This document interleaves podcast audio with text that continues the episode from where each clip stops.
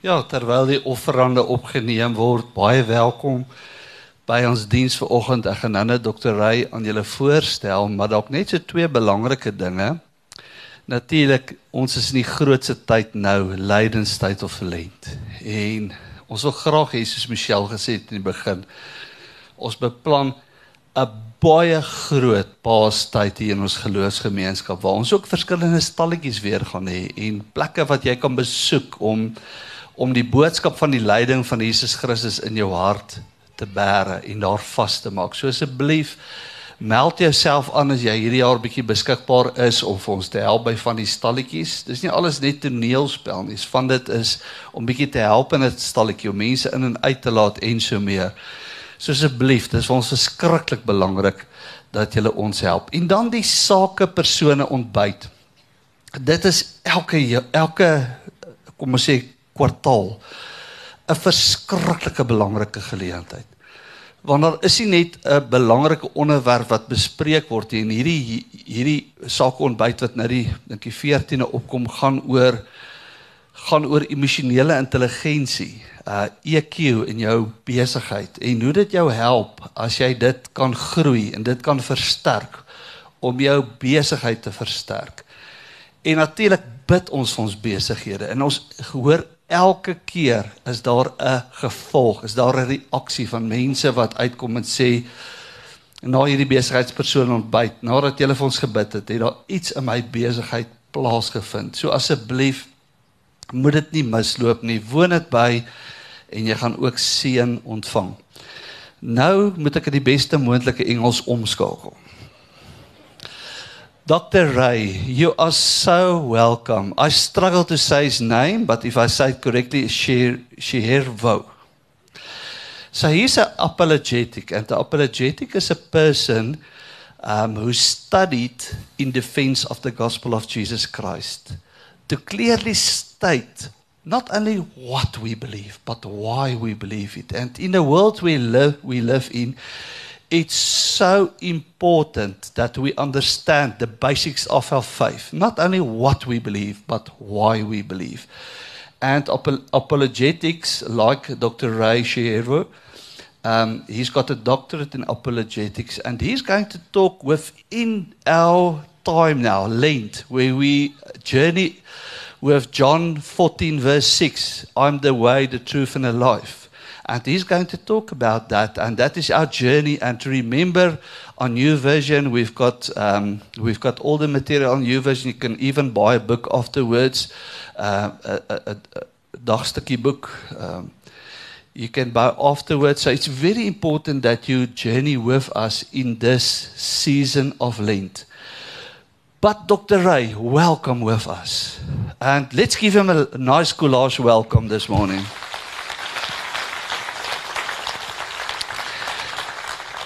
Just take note. Um, I asked him very nicely to come tonight as well. so I've got persuasion skills. I do. and tonight at six o'clock, he will also bring the word of the Lord to you. So please be here tonight. Dr. Ray, may God bless you and use you. It's a pleasure to be here. Thank you. I have to say that right up front, my background is I'm an Italian American, and if you know Italians, we speak with our hands too. So when I have to hold a microphone, I only get half of what I want to say out. So you understand that. Well, it's a pleasure to be here. Um, my wife would say it's a pleasure to be anywhere at this stage. We are, we are proud grandparents of seven grandchildren and also proud great grandparents of seven great grandchildren. My wife Joanne tells me that grandchildren make you grand and great grandchildren make you great. That's my claim to, to being great. I first came to South Africa in 2010 with a group of men and from our seminary in North Carolina. I was living in New Jersey at the time. I had already graduated. And we came to assist the man called William Lane Craig, who was, is perhaps the leading Christian philosopher, not only in the United States, but perhaps in the world. And uh, Bill Craig and another man, Michael Licona, debated two professors from here in South Africa. I think one of them was from the University of Pretoria, and I'm not quite sure who the other one was. But they were very unprepared of who they were debating. And there were about 1,500 people in attendance at that uh, debate. So they each took a turn presenting things. And of course, the men they were debating were very liberal in their theology and were declaring that the Gospels were not accurate, that the Bible was not true, Jesus was not raised from the dead.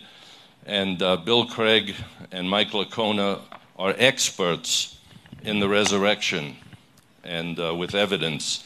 And it was the most one sided debate I'd ever seen. And I had just arrived, I think, the day before or two days before. And the people were so moved that there was someone who could defend the resurrection because in that part of the world they were, they were being um, chastised for believing the Bible. And so they, they were just so grateful. And at that moment, God knit my heart to what He was doing here in South Africa.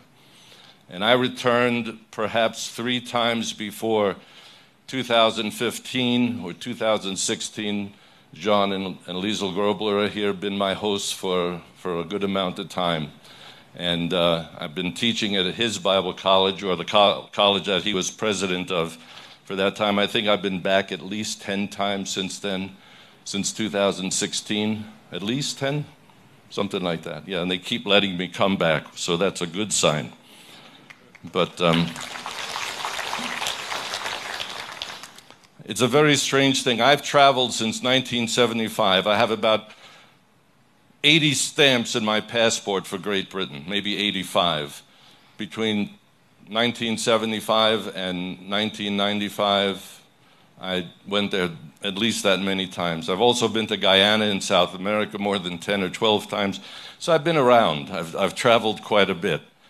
But I find that coming here is really does something to my own heart and spirit. I have, uh, God has knit my heart to, to a good many of South Africans to um, make me feel like I come home when I come here. And it's something that I really enjoy doing. And, and the privilege of being able to share the gospel, to teach apologetics, to teach theology, and even teach books of the Bible is something that is um, a real privilege to do.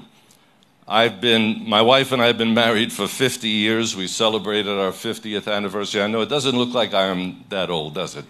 Come on, let's be honest. But we did. We celebrated 50 years in uh, October, October 28th. And I've had the privilege of traveling for the Lord doing things like this. And it's, a, it's just a wonderful, wonderful privilege to serve the Lord this way.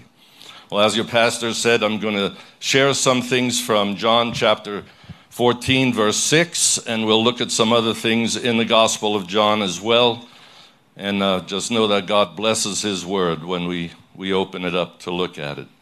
Um, so, John 14, 6, as you know, says, Jesus said to him, I am the way, the truth, and the life. No one comes to the Father except through me. To understand John's gospel, you have to understand what, Jesus, what John wrote at the end of the gospel in chapter 20 verse, verses 30, I think, and 31. Not I think, I know that they're there. John writes this He says, So then, many other signs Jesus also performed in the presence of his disciples, which are not written in this book. But these have been written so that you may believe that Jesus is the Christ, the Son of God, and that by believing you may have life in his name. That's a mouthful right there that John's gospel is all about the signs and the things Jesus said so that we would believe that Jesus is the Christ. And I can honestly and easily say this morning that there is no other hope in this world. There is no other thing we can look to for a, a satisfaction in our own souls of who we are and what our life is all about. It's all about Jesus. Jesus is the answer to our life. Whatever our occupation is, whatever our, our gender is, Jesus is the person who really satisfies our souls. We're made for Him, we're made to know Him. As it's been mentioned, I'm, a, I'm trained as an apologist. I have two degrees. I have a master's degree in apologetics and also a, a doctorate in apologetics. But I pastored for over 20 years before I went back to school, back to college, seminary. I was 52 when I went back to seminary to learn this subject called apologetics because of what was going on in my world. My daughter at that time was in her early 20s. Uh, maybe she was just 20 at the time. And her friends had gone off to college to university and came back with questions about Darwinian evolution, about philosophical ideas like from Friedrich Nietzsche. I'd heard the name Friedrich Nietzsche before. I had no idea who he was, what he believed, um, and really did not have answers for Darwinian evolution. I knew it was wrong, but I didn't know why it was wrong. I, I knew it contradicted the scripture, I could say that, but I couldn't show you why it was wrong. I couldn't show you how the contradictions were erroneous, why they were at fault. And so I started to look for answers for these two young ladies who were my people my daughter grew up with. And I found a couple of people. Norman Geisler was one name, and I had the privilege of being mentored by Dr. Geisler. If you ever read books on apologetics, especially ones that were written at the turn of this century and later, you'll find his name in the bibliography. You'll see that he was somehow quoted or perhaps was a mentor to that person who's writing the book. And he definitely was the who's who. A couple of years ago, he went home to be with the Lord. But I had the privilege of studying with him. And the one thing that Dr. Geisler always encouraged us to do was to take what we were learning and make it our own. And because I was a church person, because I, I, didn't come out of university with a degree in philosophy and then go into apologetics, I was a pastor, I was a church planter. I led a, a, a small group of churches, um, helping them to plant churches. So I was really a, a, person that was really involved with the average or the person in the pew, as I would like to say. And so my apologetics is, is a, little bit different than those who are trained philosophically um, to present arguments from, from the classical perspective of what we call natural theology. Though I studied that and I, I'm a full, I subscribe to it wholeheartedly. I like to look at how can I help the church learn to defend its faith and be a witness for Jesus Christ in this world. So that's the way that I approach it. And so I would, I would define an apologist as someone who sorts out the absolute truth from the erroneous ideas about who God is and who Jesus is. So we, we sort out those things and we keep the gospel of Jesus Christ central. We keep who he is central to, to our idea and not get caught up and chase different ideas to make us look popular or famous or any of those things. We want to keep the gospel central because our aim is to lead people to Jesus himself. Everyone can understand the message when Jesus says, I am the way, the truth, and the life. No one comes to the Father but through me. You know, the emphasis in that phrase, in that, in that verse, is no one comes to the Father but through me. That he's exclusive in that sense. There is no other way to get back to God. Yeah? Yeah, this is the interactive part. Okay, we could. Yeah, it's all right. I'm American, remember, so we like loud audiences. it took me a long time when I used to go to Britain because the Brits were very stoic. You would be preaching a sermon, your heart would be bubbling, you would feel like I am hitting a home run that's in baseball. And we are really doing great here, and all and they would just sit there and look like and you would think they've been replaced by robots. They're just they're not here anymore. To understand what Jesus is saying there, that no man comes to the Father but through me, Thank you, Suzette. God always supplies, doesn't he? Just to understand that no one can come to the Father but through me. What is Jesus saying? Was, was he introducing something new to his disciples? Was it something that, that they had never thought of before? Why did he say this? Because he told, he told his disciples in a, in a couple of verses before that, he says, Where I'm going, you can't come, but you know the way. And Thomas said, Lord, we don't know the way. And that prompted Jesus to say, I am the way. Well, the way where? He says it to us. He says it's to get back to the Father. And what we don't understand is that the disciples were looking for something else. At the, that time, the, the Jews that were alive in, in first century Palestine were looking for a Messiah who would come and destroy the Romans that would lift the burden of the Roman tyranny over Jewish people. They had been subjugated to, to, to nations for their history. After Solomon, the, the, the, the nation of Israel divided, and they were always at war somewhere. And they were always looking for a Messiah who would come and relieve them of this. And we have to be careful ourselves when we think about what Jesus can do for us is that the, the, the, real work of Christ, while He does something in our hearts here, is to prepare us for what's to come. That we have to see that, that the gospel is not just a message today that relieves me of my sin, which is a great, a great accomplishment in our lives, but what God is after is to prepare us for the next life.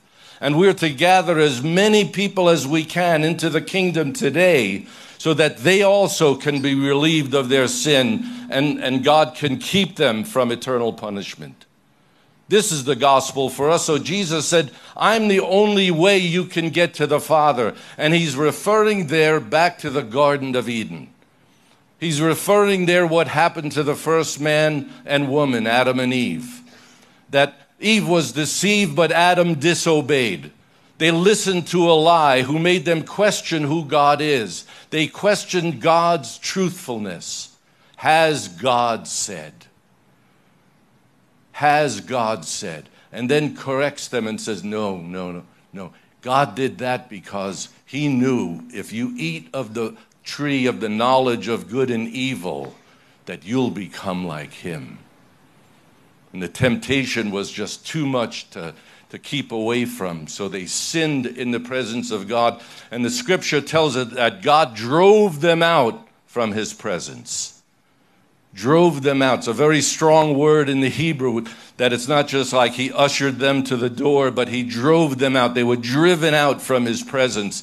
And God put seraphim there to stand at the gate to keep them from ever coming back in.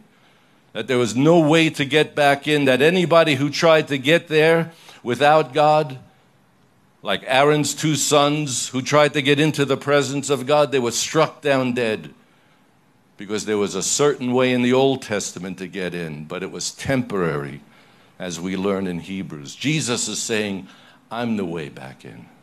And today, when we come into the presence of God in our worship, in our Bible study, the seraphim and cherubim who are before the, the, the gate of God's presence welcome us into his presence. And one day we will see him face to face. And that is the blessing of what we're living in today. So Jesus tells them, I'm the way back in there. The whole Bible is the story of how God is preparing Israel how he's preparing the earth for the time when his son would come into the presence and be with us. And in America, our church, if we look at the whole of it, is distracted. It's distracted by so many things. It's distracted by racial, by racial um, fighting, um, by politics, by wealth, by so many things that are not God and we find ourselves, we, I like to think of it this way, and perhaps I'm, I'm being too critical of our own church. We are a mile wide, or a kilometer wide, or two kilometers wide, and we are just a centimeter thick. We have no depth. And it's, it's something that I, I tell our church, the church that my wife and I belong to today. I tell them that we, we really have to keep on changing and keep on evolving into something that we need to understand. I teach them a very simple phrase that we need to keep in our minds to give us a perspective of what is going on in the world today.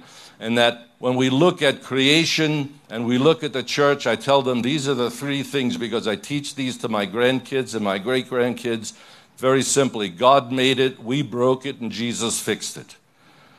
And if they can get hold of that, if they can get hold of that, they can keep the gospel central to their lives. Jesus told his disciples, Let not your heart be troubled. The Greek word for troubled there is shudder. That the way when fear grips you, you, you shake because of it. He said, Don't let your hearts be troubled. They were afraid because he was saying, I'm going someplace you can't follow me. He talked about his crucifixion, about his impending surrender to the Roman authorities and the Jewish authorities.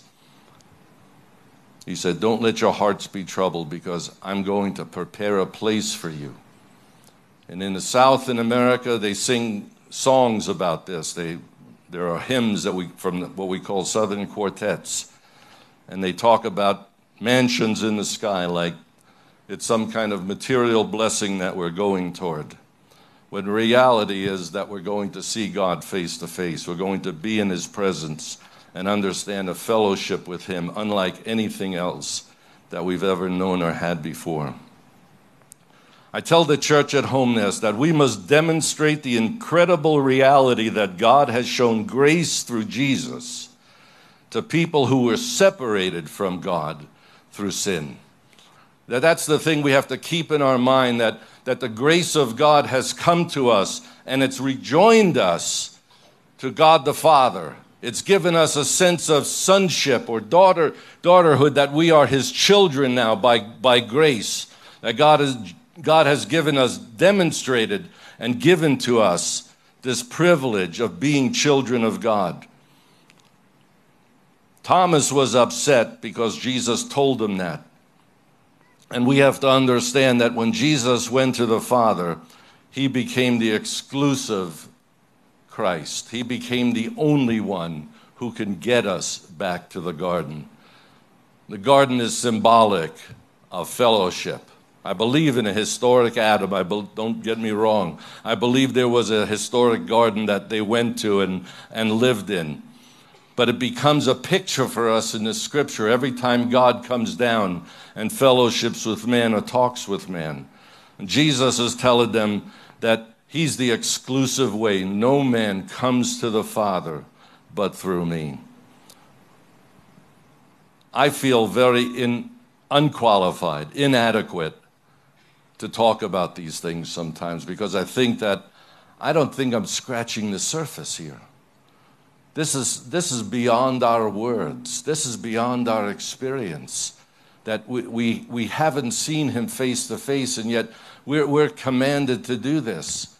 And I don't know if you have seen or know that embraced, perhaps is a better word, that the hope of the world is not the second coming of Jesus.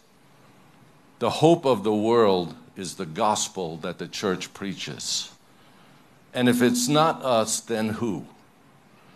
If we cannot demonstrate the power and the grace of God in our lives to declare that Jesus is alive from the dead and that there is a true God, not the idolatrous things that, that civilizations hanker for, that they desire to, to get to or try to achieve. Um, in America, again, if I can do this, the political systems that we have, the political parties that we have, they're, they're an idolatrous idealism.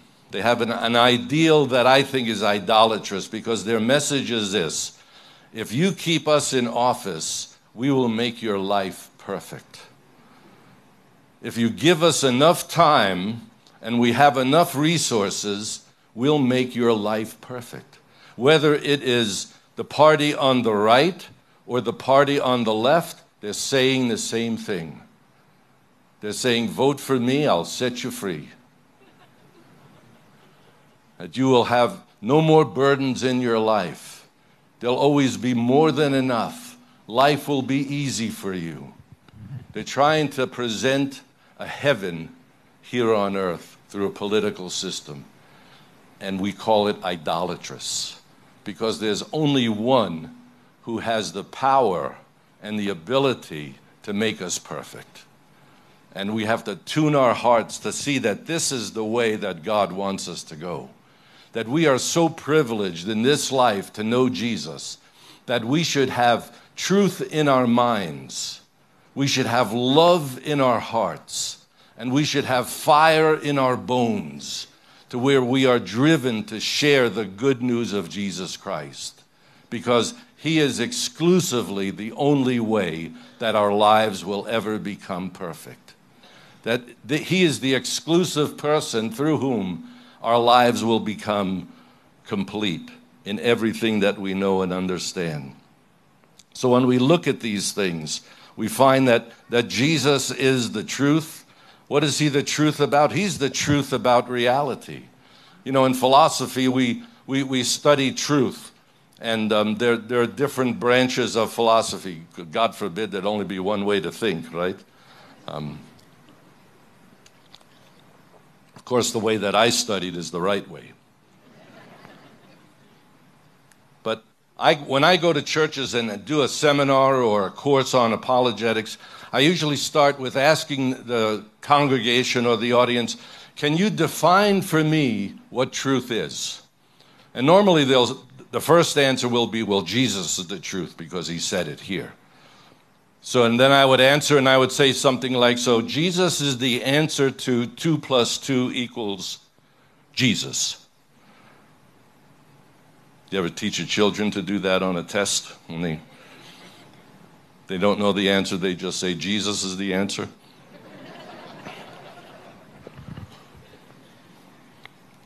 I it's not what is true, it's what truth is. There are many things that are true. The sky is blue if, in fact, there are no clouds in the sky, it's not raining, and we can see the sky. The sky is blue. That's truth. When the, the question is, what color is the sky? The answer is in Jesus. Right? There's the interactive part now. Just. Here's the definition of truth that we use truth is a statement that must correspond to what's real, what's actual. So, whenever you make a statement about reality, it has to be truth. When Jesus said, I am the way, I'm the way to the Father, and I am the truth of all the prophecies that have led up to this place about how God would restore humanity to the presence of God, he said, I am that truth. I'm the one that everybody has spoken about. And if you don't believe me, read John's gospel, and you will say that Jesus went to the Pharisees and he said, You search the scriptures for eternal life, but they speak about me. That the scriptures are a revelation of me and what I am coming to do here and what's going to happen here. And he is obviously the, the life that we are to live. Paul said it this way in Galatians chapter 2 and verse 20. He said, I have been crucified with Christ, nevertheless I live. Yet not I, but Christ lives in me. And the life I live now, I live by faith in the Son of God who loved me and gave himself up for me. That we must understand we are a new creation in Christ. We, we are different than the rest of humanity. If you name Jesus as your Lord and Savior, you are a new species in Christ. You're a new kind of human because Christ lives in you. We're not just Christian in name only, or Christian because we attend church, or Christian because we read the Bible, or Christian because we're baptized. We are Christians because Christ lives in us. And our, our maturity is learning how to let Jesus live through us. How when we yield to the Holy Spirit, Christ can live through us because He is the way that we fulfill what God has asked of us. Jesus was the supreme apologist. He was the one who, more than anything else, confronted error, false teaching that hindered people from knowing who God is. Today, the apologist's job is to refute errors that keep the church from growing up in Christ and being a witness to the world for God. That's what we do in apologetics. That's what I think we should be doing is, is confronting the errors, the things that, that keep us from a simplicity of devotion to Jesus. As Paul said in both his first and second epistle to the Corinthians, he said, I fear for you that somehow the devil has deluded you to keep you from a simplicity of devotion to Jesus. That there are so many things that get our attention Today we are bombarded by so many different messages that, that keep our mind going all different directions. Most of it has to do with these things.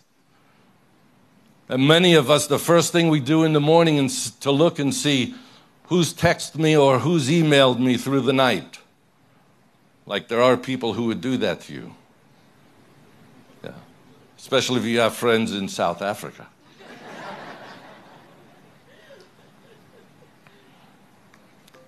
My wife and I made a commitment to God some years ago that the first voice we would hear in the day, besides ourselves, would be the voice of God.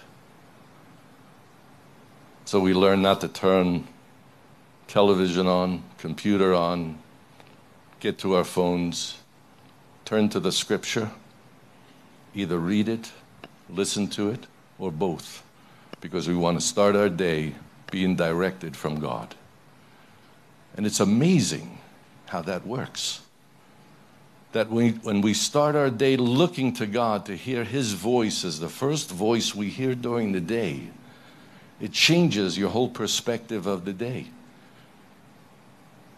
It's an amazing thing. I just put that out there for you. Thank you. Thank God. Those were not original ideas.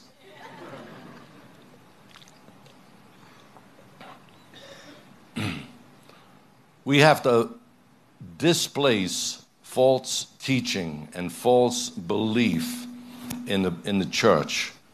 It's accommodating a subjectivism in our lives. And that those false ideas, they disguise themselves as truth. They make us think that there are other things that will satisfy the spiritual side of our life, that will make us more tuned to God. And I tell this to everybody, and more so today than ever before, is that the Christian life is a fight. Perhaps it's a war, and we're the foot soldiers who have to fight in it. It's a lie to understand that it's anything else. We have to understand that if you're a Christian, you're going to, well, if you're a human, you're going to suffer loss in life somewhere somehow. I am a Vietnam veteran. I spent 15 months in the Mekong Delta with a group of Americans that were training South Vietnamese to do what we call crash rescue. And it took me a long time to ever even talk about this, but I suffered from PTSD, which is post traumatic stress disorder, which things, you go through something and it affects you for a long time. And people would think, well, that's just Ray. But it wasn't just Ray, it was this other thing.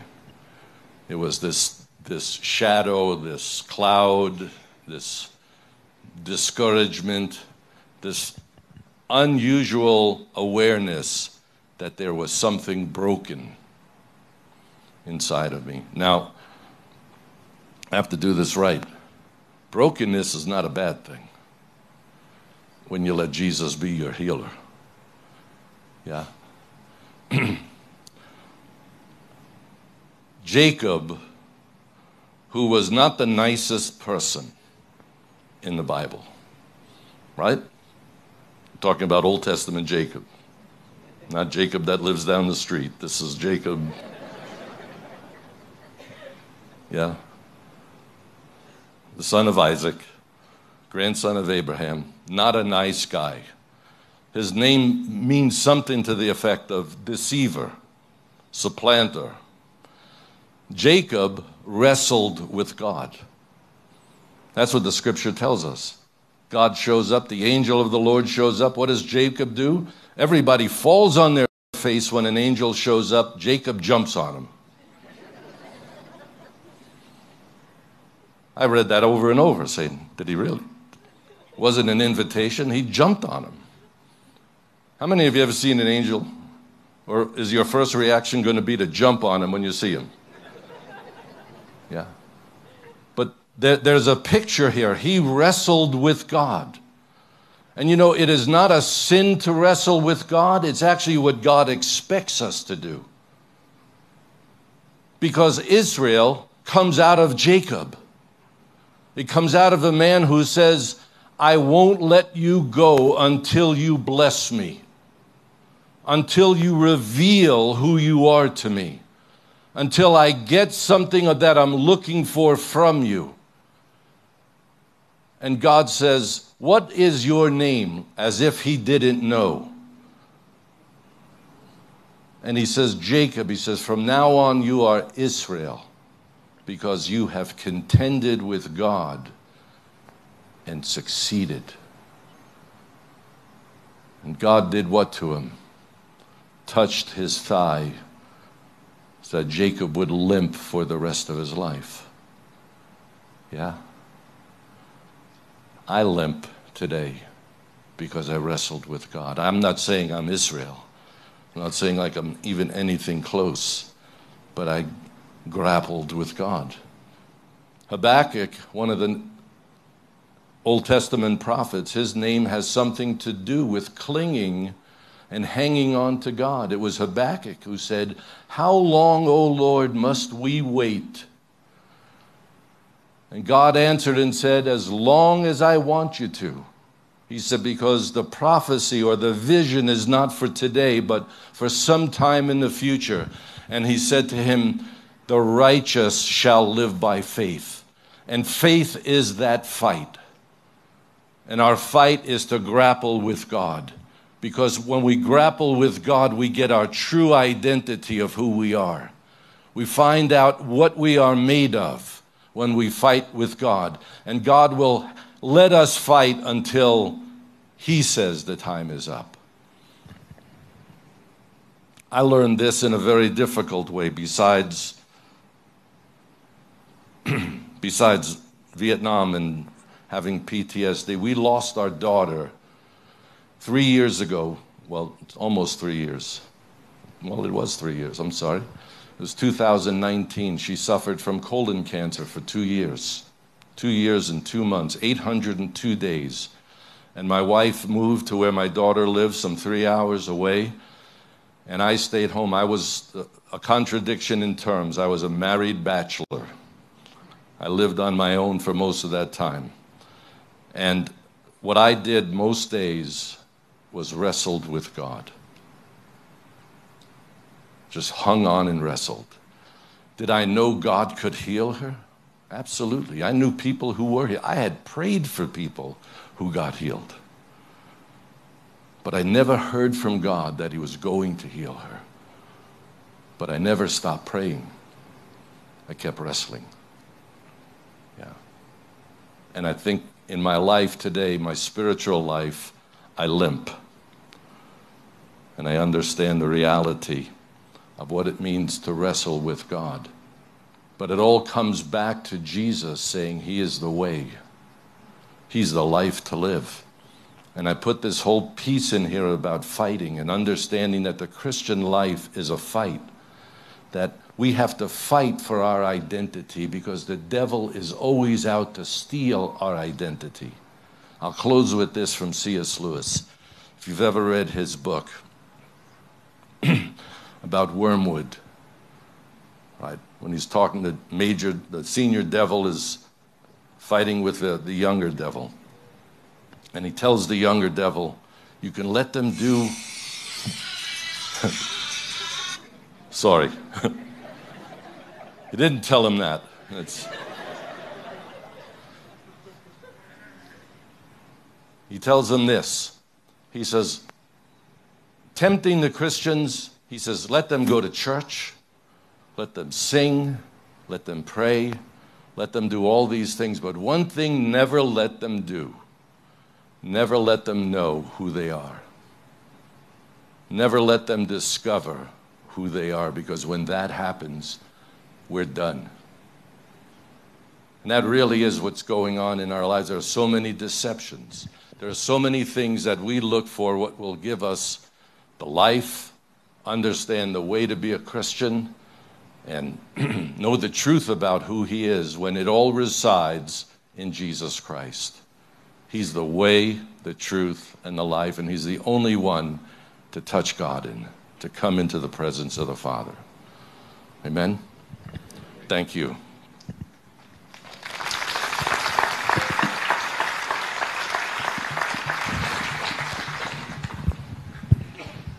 Dr. Ray, would you pray for us? Absolutely. Thank you. Thank you, Lord.